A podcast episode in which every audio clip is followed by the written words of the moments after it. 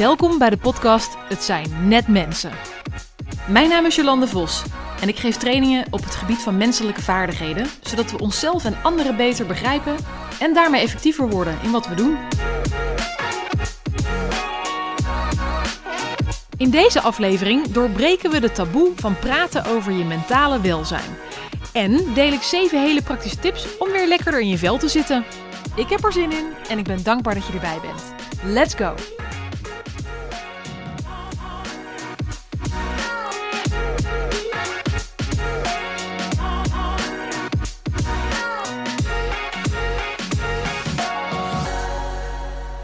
Voordat we er vandaag induiken, wil ik even samen een moment hebben om bij elkaar in te checken.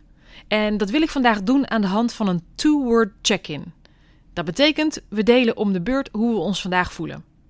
Want weet je, ieder mens heeft de behoefte om gezien te worden en anderen te zien voor wie ze zijn en hoe ze zijn. En het is die oprechtheid wat ons met elkaar verbindt. Dus als, al is het een beetje gek hè, om dit te doen, want ik kan je niet zien of horen, weet dan dat ik graag naar je luister. Um, zal ik beginnen? Uh, vandaag voel ik me. Uh, vandaag voel ik me gefrustreerd. En ik voel me onrustig.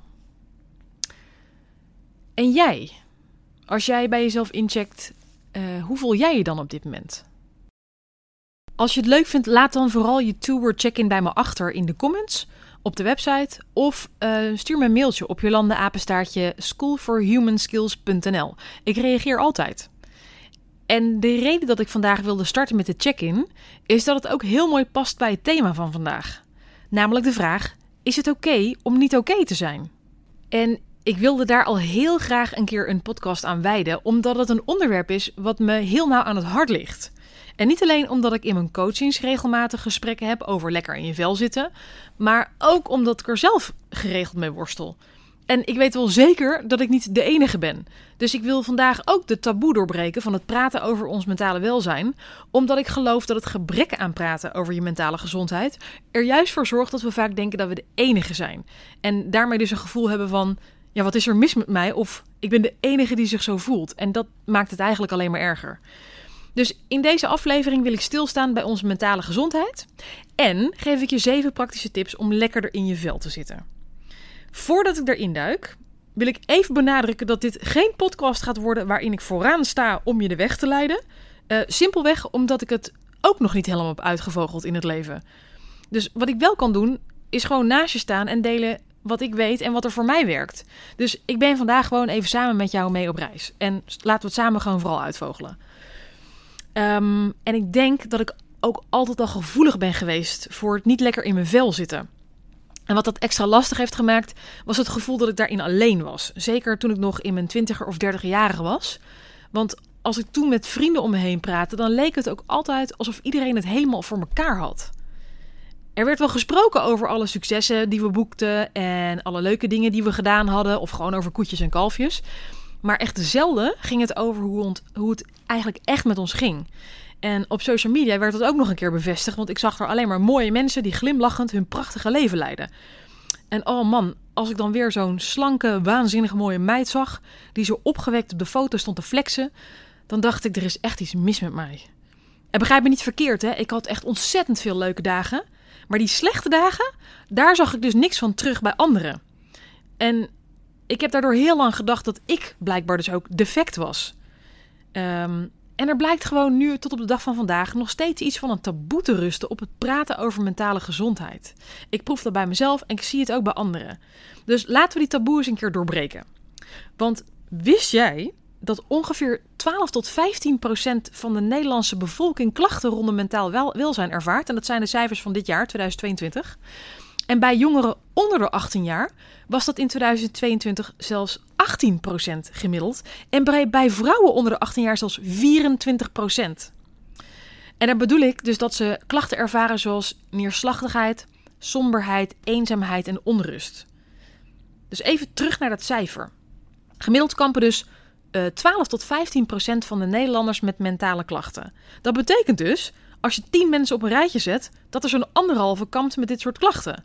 En dat betekent dus dat het heel gewoon is om je zo te voelen. Sterker nog, Uit cijfers blijkt ook dat bijna de helft van alle mensen in Nederland ooit in zijn leven te maken krijgt met psychische klachten. Dus stel dat jij nou rondloopt met gevoelens van neerslachtigheid, somberheid, eenzaamheid of onrust, weet dan dat het misschien niet leuk is, maar dat het wel behoorlijk normaal is en dat niemand immuun is voor deze gevoelens. En een van de belangrijkste dingen die ik heb geleerd in de afgelopen jaren is om de signalen te herkennen aan de voorkant. Want vaak krijg je al signalen dat je minder lekker in je vel zit. En hoe eerder je iets doet met die signalen, hoe groter de kans is dat het niet uitmondt in een neerwaartse spiraal. Want dan is het veel lastiger om er ook weer in je eentje uit te komen. Nou, en hoe vaak ik die signalen al wel niet genegeerd heb, ik, ik sterker nog, ik doe het nog steeds. Dat ik mezelf later vang op het feit dat ik eigenlijk al een aantal signalen heb gehad. Maar dat ik elke keer dacht: nope, ik doe lekker mijn kop omlaag en we gaan gewoon door. Dus laten we eens even kijken naar een paar signalen die we in de gaten kunnen houden om te kijken hoe het gaat met ons mentale welzijn.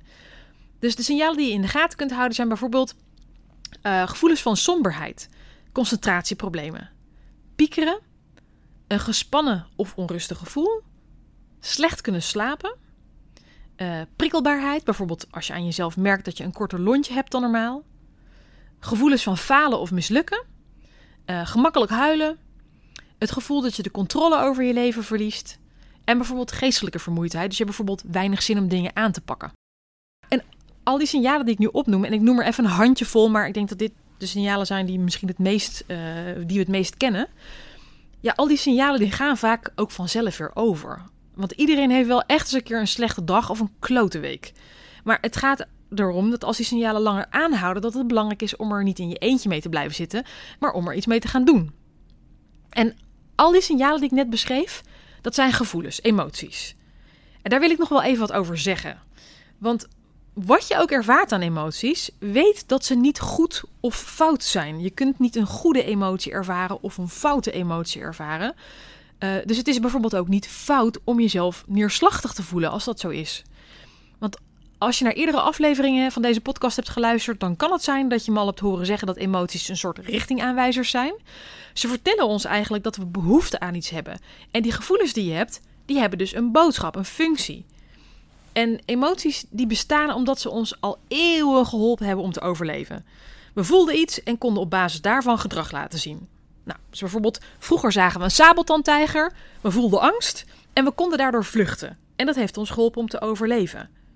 Nou, tegenwoordig ziet de wereld er natuurlijk heel anders uit. Het is veel complexer geworden. Maar het lullige is dat ons brein in al die eeuwen niet heel erg geëvolueerd is. Dus in de basis doe je nog steeds hetzelfde als toen. Je brein detecteert een bedreiging en aan de hand daarvan voel je een emotie en die stuurt jou aan tot een bepaald gedrag.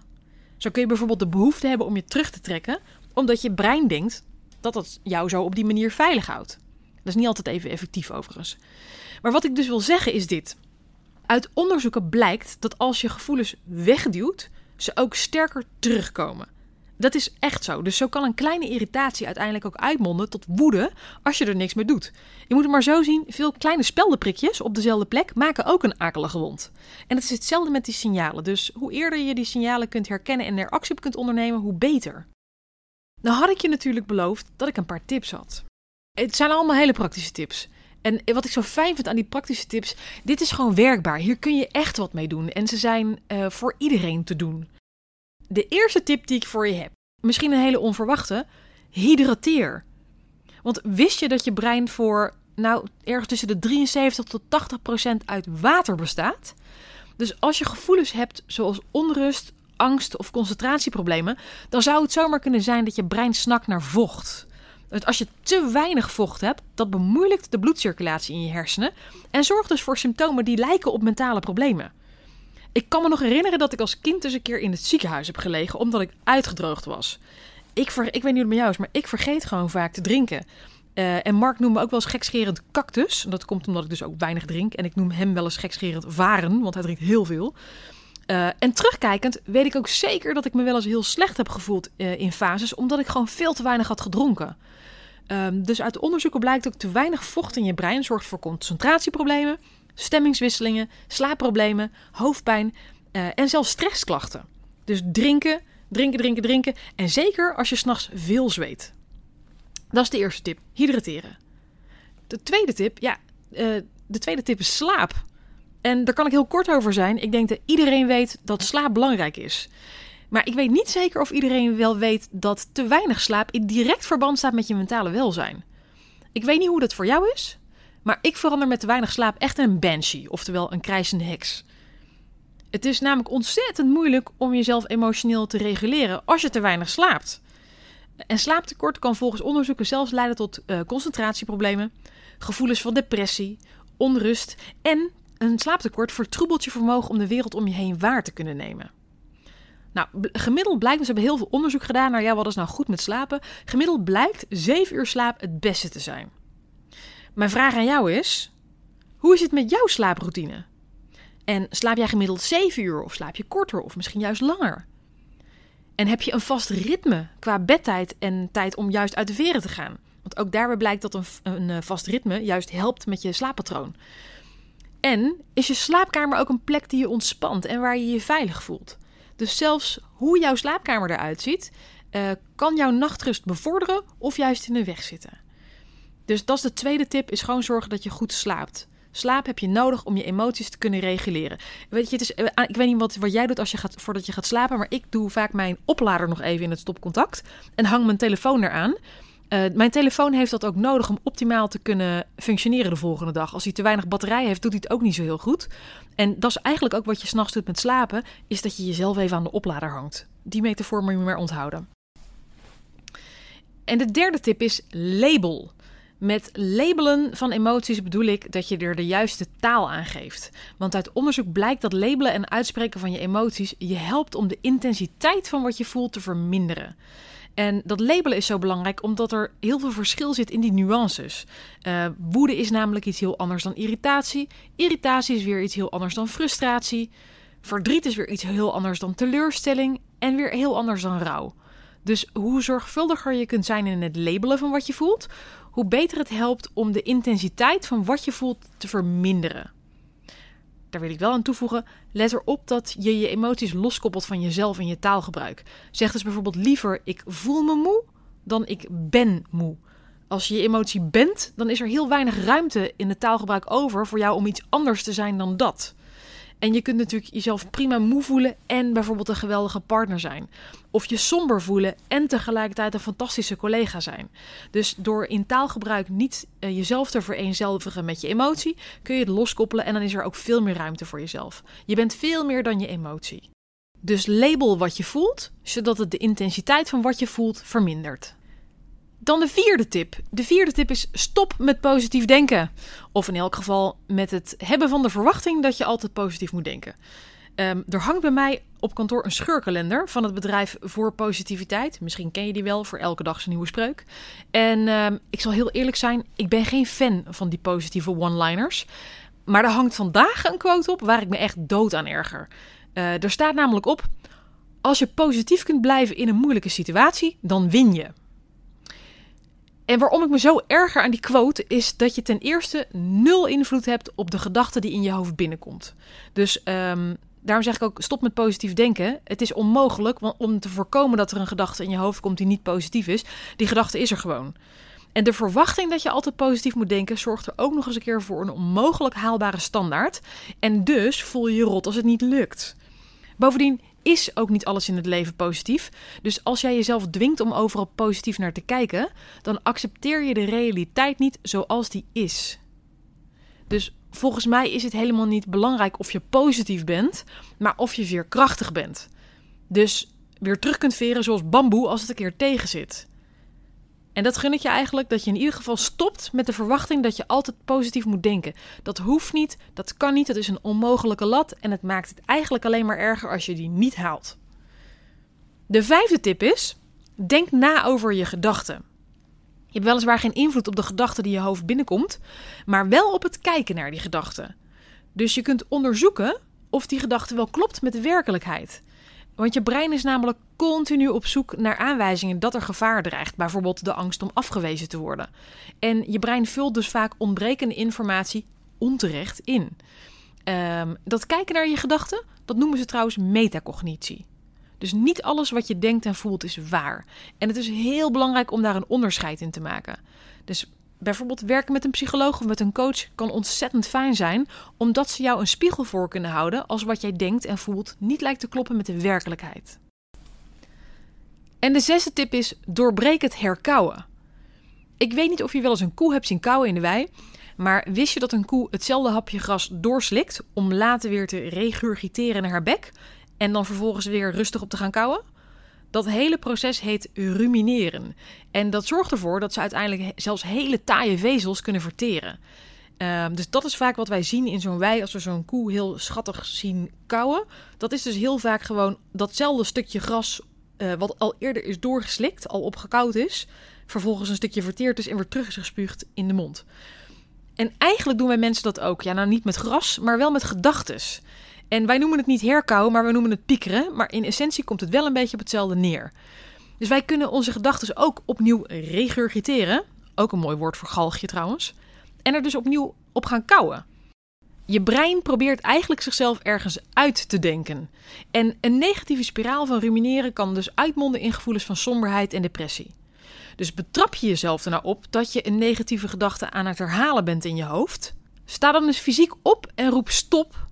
Of in elk geval ga iets anders doen. Wandel, steek je hoofd in de buitenlucht en beweeg.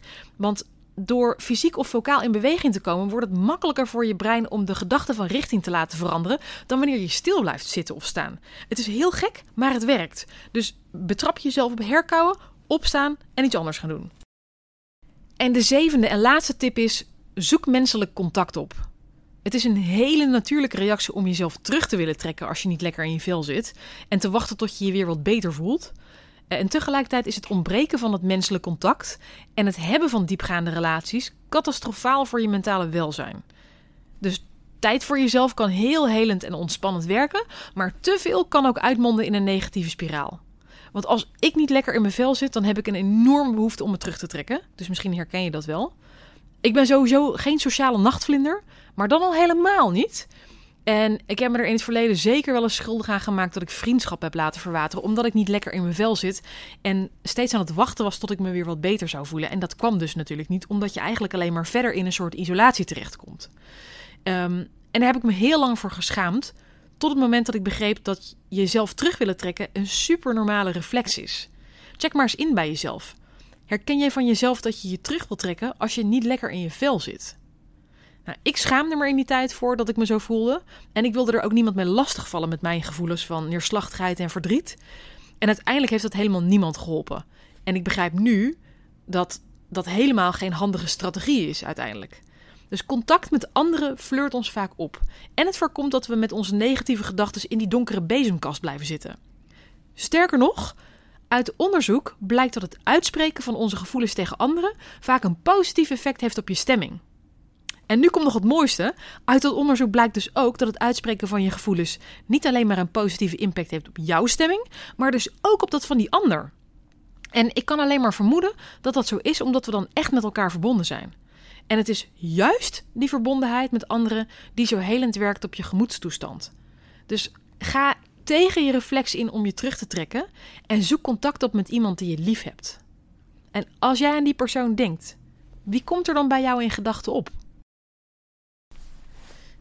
Oké, we weten dus dat het heel normaal is om af en toe te worstelen met je mentale gezondheid. En dat zelfs 12 tot 15 procent van de Nederlanders in 2022 daar wel eens last van hebben gehad. We weten ook welke signalen we bij onszelf kunnen herkennen die erop wijzen dat we niet lekker in ons vel zitten, zodat we op tijd bij kunnen sturen.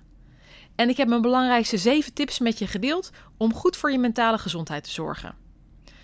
Voordat we gaan afronden voor vandaag, hoor ik je denken: maar Jolande, wat als ik nou vermoed dat iemand die ik ken niet lekker in zijn vel zit? Wat kan ik dan doen? Nou, wat een goede vraag. Uh, ik ga je drie voorbeelden geven van wat ik vooral niet zou zeggen. Namelijk: Het komt allemaal goed hoor. Of je moet niet zoveel piekeren. Of je maakt je druk om niks. Want wat dat doet, is iemand het gevoel geven dat hun emoties of gedachten fout zijn. En daarmee zullen ze uit schaamte eerder geneigd zijn om het voortaan voor zich te houden in plaats van uit te spreken.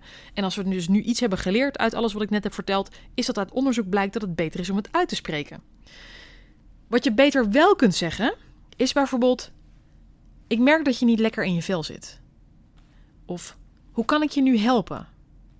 Of ik ben er voor je. Samen komen we er wel aan uit. Zo zorg je er namelijk voor dat je erkent wat een ander voelt en denkt zoals het is. Uh, ieder mens heeft de behoefte om gezien en gehoord te worden. En het is ontzettend fijn om te merken dat er iemand naast je staat als je even niet zelf je weg kunt vinden.